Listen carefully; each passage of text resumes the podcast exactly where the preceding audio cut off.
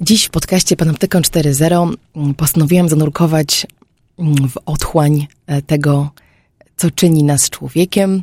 Może brzmi to bardzo górnolotnie, zaraz się wytłumaczę, bo nurkujemy w poczucie bezpieczeństwa. Myślę, że to jest taka rzecz, która nam towarzyszy od, od początku cywilizacji, a pewnie i wcześniej. Chcemy czuć się bezpiecznie, nie ma w tym nic e, dziwnego. Ja na pewno nie, tego nie bagatelizuję ani nie krytykuję. Mam dużą pokorę wobec tego poszukiwania, które jest w nas jako ludziach czasami niepokoją mnie skutki tego poszukiwania lub konflikty, jakie to poszukiwanie mm, wywołuje w tym, jak funkcjonujemy, szczególnie w świecie bardzo płynnym, e, pełnym różnorodności, w świecie, w którym musimy stykać się z ludźmi, którzy się od nas różnią.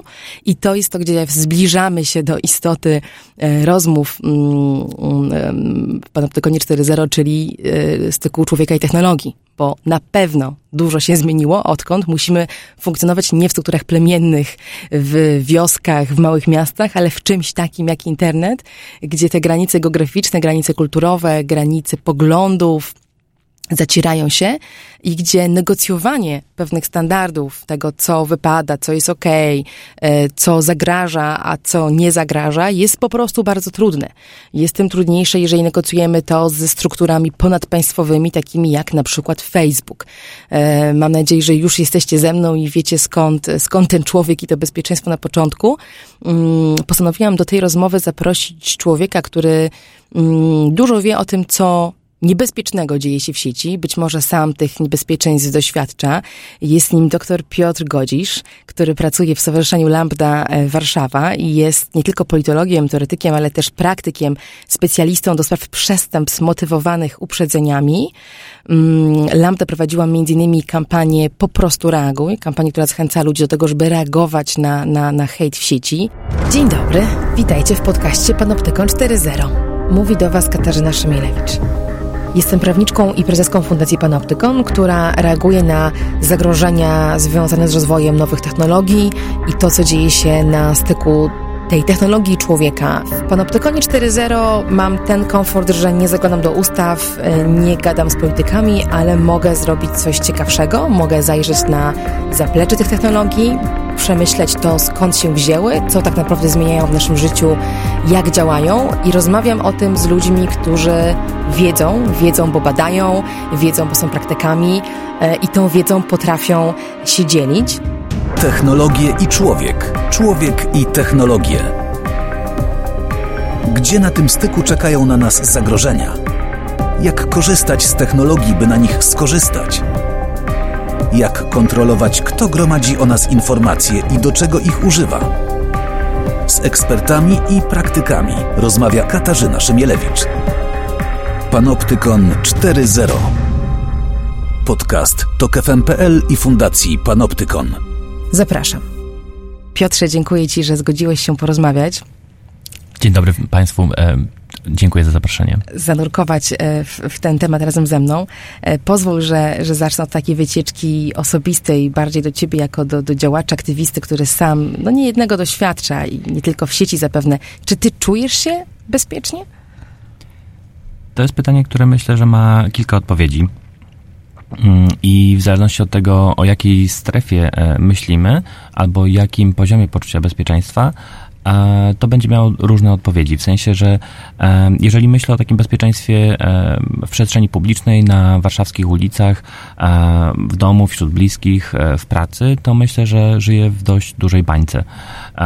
Czyli takiej. Dużej, czyli takiej komfortowej, w którym możesz się poruszać? Myślę, że tak. Mhm. Myślę, że tak. I myślę, że pod tym względem, e, mieszkając w dużym mieście, będąc białym, zdrowym facetem, e, jestem e, dość w komfortowej sytuacji i, i, i, i, to jest pewien rodzaj przywileju, który tutaj mam, na który mogę sobie pozwolić. E, natomiast e, zdecydowanie, kiedy e, myślę o bezpieczeństwie e, w kontekście na przykład chodzenia na e, marsze równości, czyli e, walki o prawa osób LGBT, w kontekście czasami na przykład wychodzenia późno z pracy z siedziby Stowarzyszenia Lambda Warszawa, myśląc o tym, że być może ktoś gdzieś tam czai się za drzwiami i ja tego nie wiem i może mnie zaatakować, to wtedy to poczucie zagrożenia trochę rośnie. A dlaczego miałby się czaić?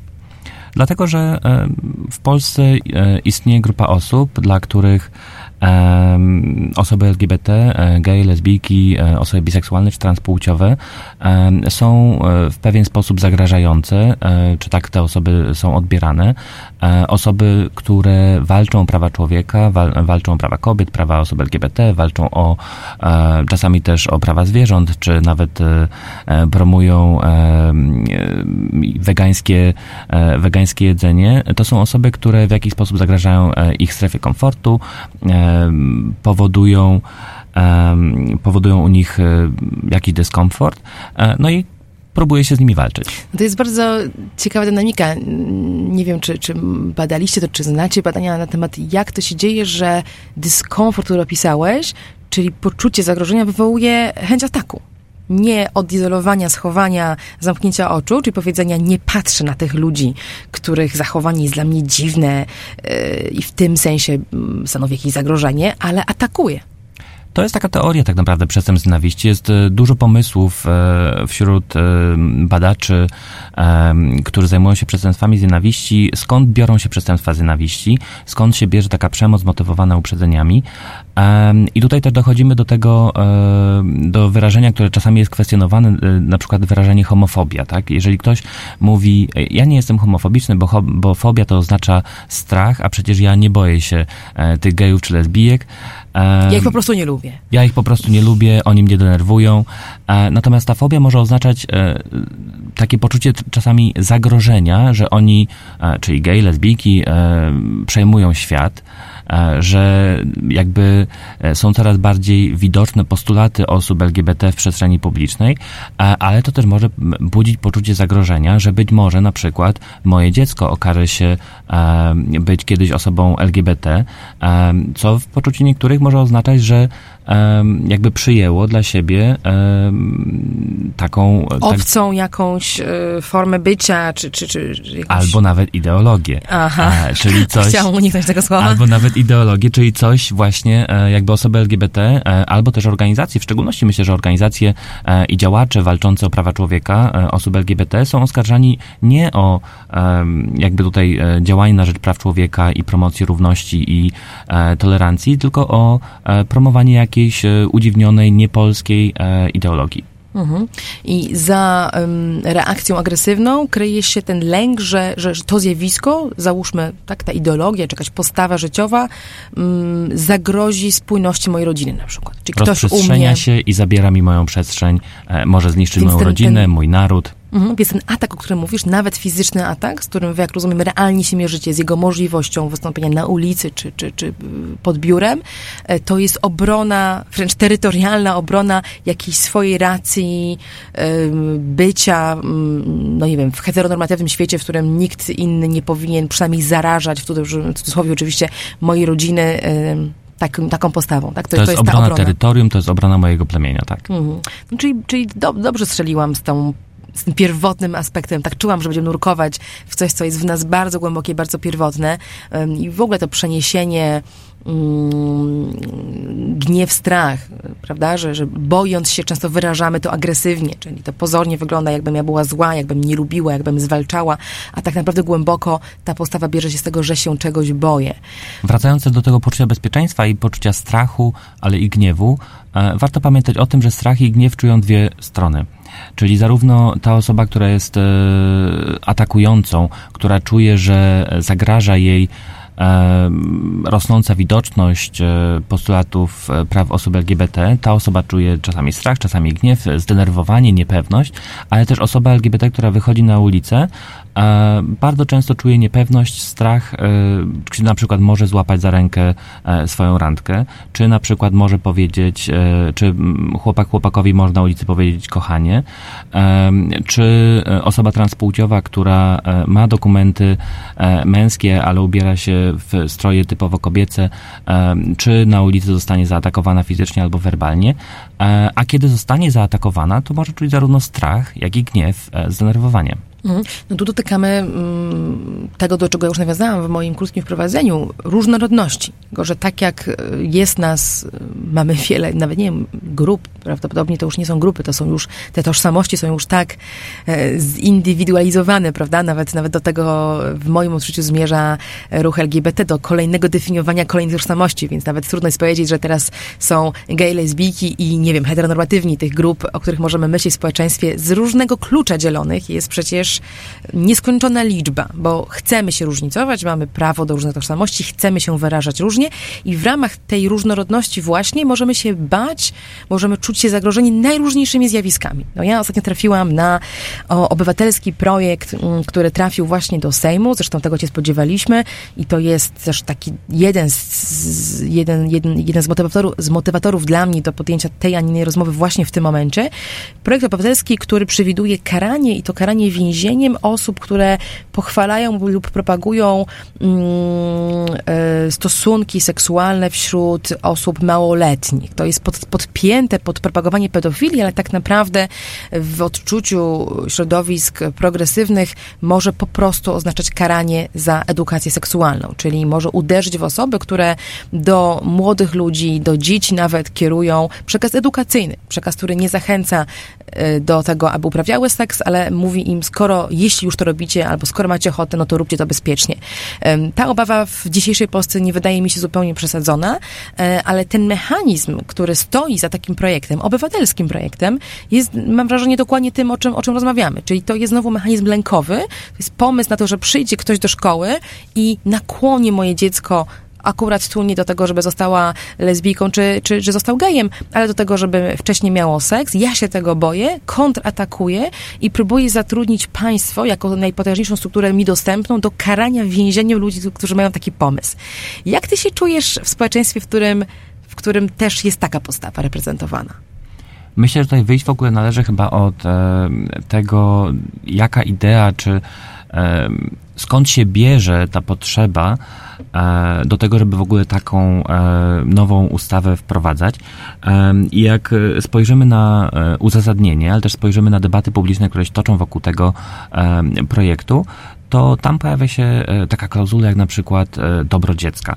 I myślę, że tutaj prawdopodobnie komuś chodzi rzeczywiście o dobro dziecka, tylko pytanie, jak my to dobro dziecka rozumiemy i czy my to, to dobro dziecka rozumiemy wszyscy jednakowo, czy jest to coś dla nas zupełnie E, innego niż e, dla, niż dla innych osób.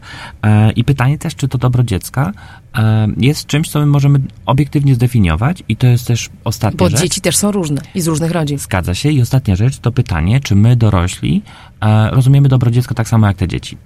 Mhm. Ja bym tutaj chyba chciał wyjść przede wszystkim od tego, E, czy dzieci mają prawo do podmiotowości, czy dzieci mają prawo do decydowania same o sobie, e, ale też, co do, e, też wyjść od tego, kim są dzieci, albo inaczej, kim są osoby małoletnie, o których mówimy w projekcie. który właśnie wpłynął do Sejmu, czy wpłynął do Sejmu w lipcu, a obecnie jest dyskutowany. Tak definicyjnie to są ludzie młodsi niż 18 lat? Cały czas, tak? Dobrze to odtwarzam? No więc e, osoby małoletnie w, w, ujęciu polskiego prawa to są osoby poniżej 18 roku życia. Natomiast e, również zgodnie z przepisami polskiego prawa e, seks można uprawiać w Polsce legalnie, jeżeli jest się powyżej 15 roku życia. W związku z tym, jeżeli mówimy tutaj w projekcie zmiany kodeksu karnego o zakazie czy, czy karaniu osób, które publicznie propagują albo pochwalają podejmowanie e, obcowania płciowego przez małoletnich, no to tutaj mam wrażenie, że zaczynamy tworzyć pewien e, bubel prawny, bo... Mamy przynajmniej te trzy lata, kiedy te już nie do końca dzieci mogą legalnie wiązać się w pary i konsumować swój związek nawet właśnie w formie aktu seksualnego. Nie jest to im zakazane, ale nam będzie zakazane ich... No właśnie, no to jest chyba, rozbijamy się jednak o, o definicję propagowania pochwalania, prawda? Nie, nie chcę w to głębiej wchodzić, bo to jest tylko przykład dla mnie, który manifestuje znowu ten strach i tę różnorodność, z którą się mierzymy w Polsce, mm, różnorodność to chyba to jest chyba bardzo łagodne słowo na, na to, co próbuję opisać, mm, gdzie, gdzie dla jednej grupy ludzi mówienie o, o seksie wobec dzieci i starszych osób to jest edukacja, a dla innych to jest propagowanie czy ideologię. Zachęt, za, dokładnie, to jest jakby dla niektórych to jest e, zachęcanie ich do podejmowania aktywności seksualnej, podczas kiedy, e, tak mi się wydaje przynajmniej, e, większość edukatorów seksualnych, większość organizacji, które zajmują się szeroko pojętą edukacją seksualną czy edukacją antydyskryminacyjną, nie zajmują się propagowaniem, namawianiem do podejmowania aktywności seksualnej. Natomiast wychodząc z założenia, że młode osoby tak czy owak będą podejmować współżycie, e, po prostu starają się e, przekazać podstawowe E, medyczne, naukowe informacje, w jaki sposób zabierać się za coś nowego, coś, co może być trudne, coś, co może być nie do końca jasne.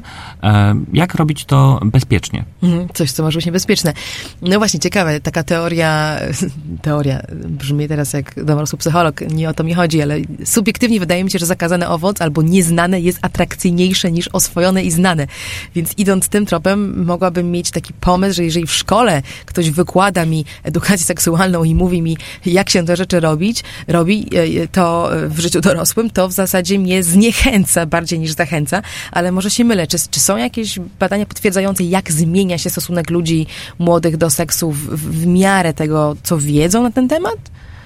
albo co czytają, albo do czego mają dostęp, przed zestawienie pornografii z edukacją seksualną w szkołach, czy cokolwiek o tym wiemy, na przykład w Polsce, jak to się zaczęło zmieniać, odkąd jest wychowanie do życia w rodzinie? Ja nie jestem edukatorem seksualnym. Mhm. Nie wiem, czy są takie mhm. badania. Ciekawe, ciekawe było zobaczyć, czy, czy, czy ten odsetek ludzi aktywnie wchodzących w ten obszar na przykład spada pod wpływem tego, że są edukowani. Ale okej, okay, to, to zupełnie wycieczka na marginesie. Wracając... Wydaje mi się, że są badania, które pokazują, że um, i to są badania um, wydaje mi się, że z Wielkiej Brytanii, które jakby e, pokazują w jakiś sposób, jak zmienia się kwestia na przykład e, niechcianych ciąż i aborcji e, w, mhm. w, związku z... Czyli czegoś, czego naprawdę młoda osoba może się obawiać. Tutaj w związku z tym, pole do strachu. czy rzeczywiście prowadzona jest edukacja seksualna lub nie. Mhm. No właśnie, wracając do, do tego, od czego wychodzimy, czyli, czyli e, naszych obaw i e, związanej z tym agresji, zwalczania e, inności, której, której się obawiamy.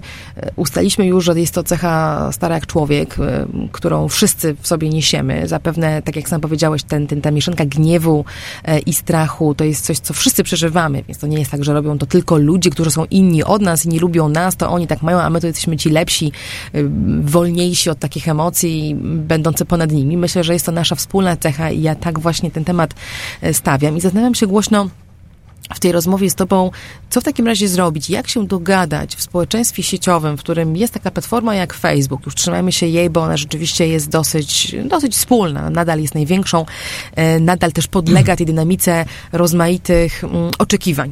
Jedni na Facebooku oczekują, że będzie nagość, drudzy, że jej nie będzie. Jedni chcieliby tam edukować dzieci seksualnie, drudzy chcieliby właśnie takie strony zamykać. I zresztą ta dynamika była bardzo widoczna e, jakiś rok temu. Facebook mocno docisnął temat edukacji seksualnej po swojemu, czyli zablokował mnóstwo kont, które, które się tym obszarem zajmowały. E, mam wrażenie, że no poszedł jeszcze ostrzej w taką pruderię amerykańską, po tym, jak już kiedyś zrobił odwrót od blokowania treści, e, treści związanych z nagością. E, odpuszczono trochę sztukę, kobiety karmiące dzieci, czyli sama nagość pojawiła się w większym stopniu, ale właśnie to propagowanie aktywności seksualnej zostało mocno wycięte, więc nawet na Facebooku widzimy już walkę e, tych, tych oczekiwań społecznych i tych postaw. Wy na pewno jako Lambda obserwujecie mm, mocno aktywność Facebooka, jeśli chodzi o hejt, e, o, o nienawiść i, i reagowanie na to, co ludzie sobie nawzajem mówią i robią. Mm, czy ty uważasz, że można się jakoś dogadać? Że w takim społeczeństwie można ustalić jakikolwiek standard rzeczy, których my się na przykład nie powinniśmy obawiać, albo które powinniśmy zaakceptować? Czy to w ogóle jest możliwe? Myślę, że jest możliwe, tylko że musimy się e, umówić jako społeczeństwo albo jako użytkownicy e, Facebooka na pewne jakby wartości brzegowe, na pewne granice, e, w ramach których się będziemy poruszać. I ja myślę, że te, te granice dla mnie przynajmniej, one są dosyć jasne, bo one obowiązują od lat 50. w praktyce.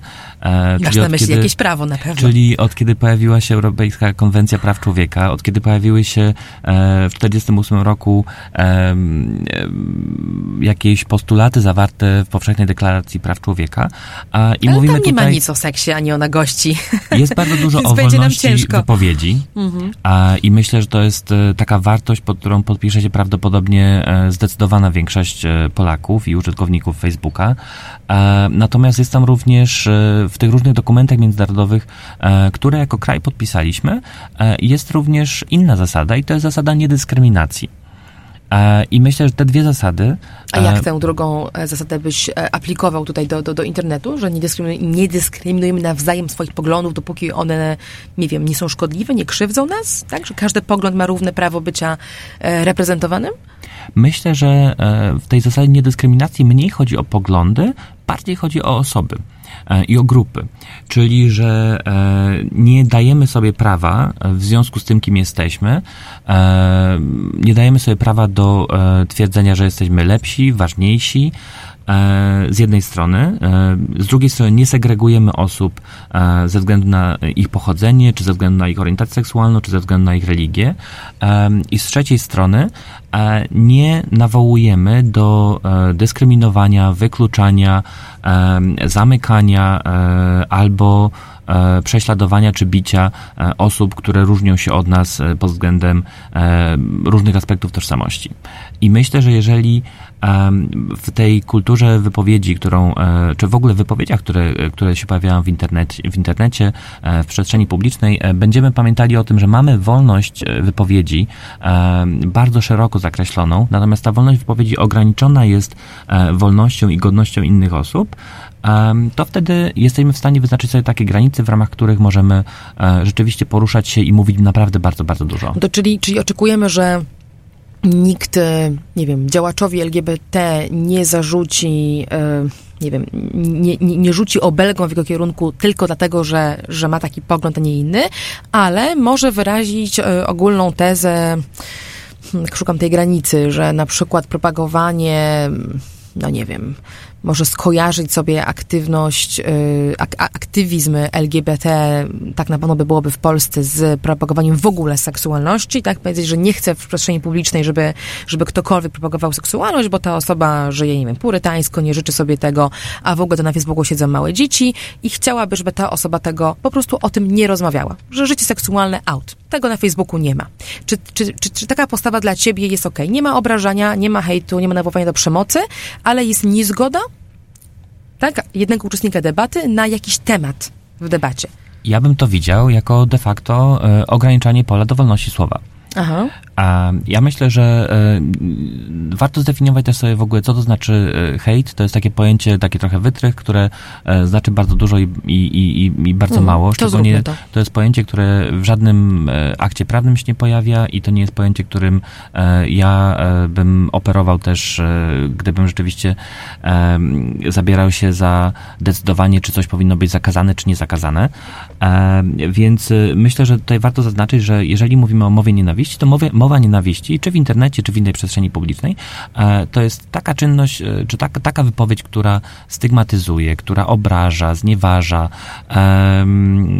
prowadzi do segregacji albo prowadzi do nawoływania, do dyskryminacji ludzi i tutaj uwaga, ze względu na ich cechę osobistą, e, taką jak na przykład orientacja seksualna, czy tożsamość płciowa, ale też niepełnosprawność, wiek, płeć, Ale to są cechy szczególnie chronione. To nie jest każda cecha, to nie jest kolor włosów czy kolor oczu, to musi być cecha, którą prawnicy, regulatorzy uznali za szczególnie chronioną, prawda? To są takie cechy, które przede wszystkim e, bardzo często stanowią niezwykle istotną część naszej tożsamości. Czyli to są takie rzeczy, z którymi często albo się rodzimy, albo dostajemy je, e, że tak powiem, w darze, w spadku po rodzicach, e, czy po rodzinie, to może być na przykład religia, albo nabywamy to w trakcie życia i to może być na przykład niepełnosprawność. Mhm. I to są takie cechy, które po prostu bardzo trudno zmienić, które są nas. dla nas e, bardzo istotne, są jakoś tam cechą nas, naszej tożsamości. I dlatego w prawie je chronimy. Dlatego chronimy je w prawie, w różnych przepisach, czasami to będą przepisy karne i tak jest w większości krajów Unii Europejskiej, Czasami będą to też przepisy różnego rodzaju antydyskryminacyjne, które, e, czy, czy przepisy prawa cywilnego, które mają na celu ochronę naszej godności, naszej e, podmiotowości. E, ja bym tutaj chciał jakby podać przykład, co może być mową nienawiści, Mhm, co może świetnie. nie być tą mową nienawiści. Czyli jeżeli mamy e, księdza, który w czasie mszy mówi, e, że w Piśmie Świętym jest napisane, że, e, że obcowanie między mężczyznami i to jest grzech e, i on uważa, że to jest grzech, to ja nie uważam, że taką wypowiedź należy karać. Natomiast jeżeli ktoś e, w tym momencie zachęca do tego, żeby e, pójść pod klub LGBT Mhm. I tych grzeszników tam i tych grzeszników tam potrząsnąć. atakować, e, albo inaczej, ktoś na przykład e, uważa, że należy bronić miasta i zachęca do tego, żeby Mhm. bronić miasta przed inwazją LGBT, przed tęczową zarazą i że takie osoby, takim osobom należy się e, kara, Aktywnie przeciwstawić jakoś. to w tym momencie to jest nawoływanie do nienawiści albo nawet nawoływanie do przemocy, które po prostu powinno być zakazane. Ale jest pewnie taka grani, taka, taka cała sfera, mm, ty wymieniłeś taki, ta, ta, ta, taki e, określając to, co, co jest mową nienawiści, e, również się tym posłużyłeś, e, obrażanie, tak, czy, czy, czy jakieś pejoratywne określenia, a więc po prostu opisywanie kogoś w sposób pejoratywny, które może z czasem prowadzić do jego uprzedmiotowienia, na przykład uznania, że to nie jest do końca człowiek, albo to jest gorszy człowiek, albo to jest jakaś, jakaś inna rasa, czy, czy, czy inny rodzaj człowieka i w związku z tym ja mogę go na przykład nie wpuścić do miasta lub e, uderzyć, to narasta bardzo powoli, prawda? Wszyscy znamy historię, wiemy, że takie przyzwolenie na przemoc czasami zaczyna się od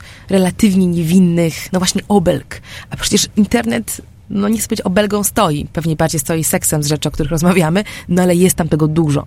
Jeżeli ja powiem głupi gej, e, nie wiem, mój ulubiony, mam przyjaciela, który sam o sobie mówi czarny pedał, bo, bo tak lubi czasem, no ja tego nie powiem, ale, ale jeżeli coś takiego jest w internecie, w którym momencie tego typu sformułowania czy obelgi zaczynają być mową nienawiści?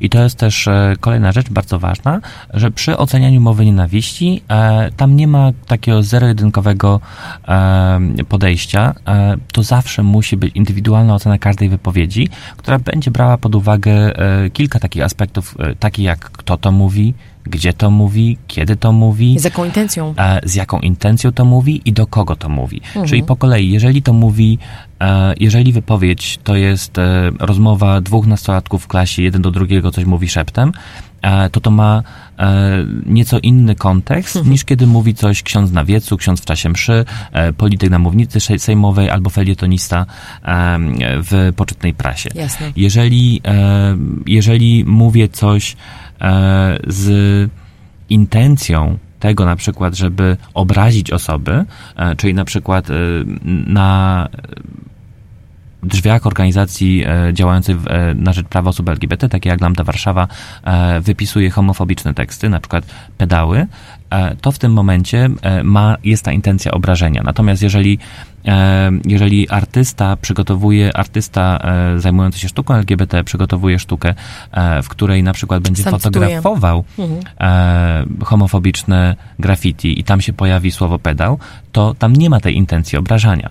E, podobnie jest e, na przykład z propagowaniem nienawiści, e, czy z propagowaniem faszyzmu. Jeżeli e, ja e, rysuję swastykę na murze w celu propagowania, e, propa- propagowania nazizmu, to ten cel jest tutaj e, bardzo jasny i widoczny. Natomiast jeżeli jestem kolekcjonerem sztuki albo historykiem e, i zbieram to w celu e, być może nawet krytykowania tej ideologii, to w tym momencie tej intencji nie ma. Dobrze, no wróćmy do realiów internetu. Jesteśmy na takim Facebooku.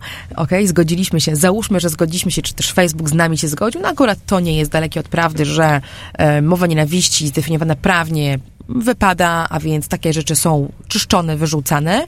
E, Ty powiedziałaś wcześniej, że tematy nie wypadają, czyli temat taki jak na przykład aktywność seksualna dzieci, e, niepropagowana, to już ustaliśmy, ale w kontekście edukacyjnym, czy w kontekście w ogóle problematycznym, prawda? Tak jak narkotyki, to jest kolejny świetny przykład. No, one są i zapewne nie znikną od tego, że nie będziemy o nich mówić, a mówienie o nich daje pewną szansę redukcji szkód na przykład, więc tematy zostają. Tak? tak, taką mielibyśmy mm, propozycję dla tego Facebooka. No i teraz na nim są e, ludzie, jak choćby nasi obywatele stojący za, za kolejną właśnie ustawą, która, która pro, proponuje karę więzienia za propagowanie aktywności seksualnej e, u nieletnich, którzy mówią nie, nie, nie, no nie ma, to jest przestrzeń niebezpieczna. Przestrzeń, w której ja nie tylko na tego umownego pedała się mogę natknąć, którego nie lubię, bo to już my przerobiliśmy i tego nie wolno powiedzieć, ale natknę się w ogóle na temat na przykład seksualności, albo odwrotnie. Nie wiem, e, ktoś nie lubi antyszczepionkowców i mówi, nie chcę, żeby tam była mowa antyszczepionkowa, bo ona mi zagraża. I to mógłby być lepszy przykład, e, tak na drugą nóżkę trochę grając, gdzie rzeczywiście ja bym się obawiała, że na przykład ktoś w mojej rodzinie zarazi się w dużym cudzysłowie takim myśleniem i to mi zaszkodzi. Zaszkodzi mi zupełnie realnie, bo przestanie szczepić, nie wiem, kuzyna mojego dziecka i ten zarazi nas kiedyś, nie daj Boże, e, hmm, ospą. Więc y, możemy snuć bardzo wiele takich scenariuszy, w których propagowanie jakiegoś tematu, czy jakaś narracja, nawet zupełnie obiektywnie może stać się niebezpieczna. E, e, I, i, i co wtedy? Czy my jesteśmy w stanie porozumieć się co do, co do tematów? Czy jest jakieś rozwiązanie, które przychodzi tobie do głowy na urządzenie się w świecie, który jest w tym aspekcie niebezpieczny? Nikt nas nie bije i nikt nas nie wyklucza, ale propagowane są tematy, które uważamy za zagrażające. Myślę, że to jest kwestia trochę właśnie takiego urządzenia e, sobie własnego świata w taki sposób, który dla nas jest niezagrażający, dla nas jest e, bezpieczny, przyjazny e, i, i, i ciekawy, ale jednocześnie właśnie, że no nie jest wykluczający e, dla innych. To może być kwestia e, filtrów, to może być kwestia decyzji, gdzie czytamy nasze wiadomości, to może być kwestia tego, z kim się kontaktujemy, w jaki sposób się kontaktujemy, albo w jaki sposób ustawimy sobie różnego rodzaju filtry, na przykład na komentarze w, w różnego rodzaju portalach, na przykład na Instagramie. Natomiast y, wydaje mi się, że nie da się pogodzić e, postulatu e, wolności głoszenia poglądów, e, w tym poglądu, w tym jakby wolności głoszenia i prowadzenia badań naukowych, wolności zgromadzeń publicznych, wolności wypowiedzi, ekspresji, z postulatem tego, żeby Każdemu nie było mówić, miło. I Zgadza każdemu się, było bezpiecznie. Zgadza się, bo, Mhm. bo e, to jest też istotne, że w ramach tej wolności słowa, która jest częścią składową tego pakietu praw człowieka, e, są również wypowiedzi, które są obraźliwe, które, z którymi się można nie zgadzać, które mogą być szokujące, e, i które czasami może, mogą być rzeczywiście nawet znieważeniem, natomiast wtedy każdy, kto czuje się znieważony, ma prawo sięgać po różne dostępne w prawie cywilnym, karnym środki. Mhm.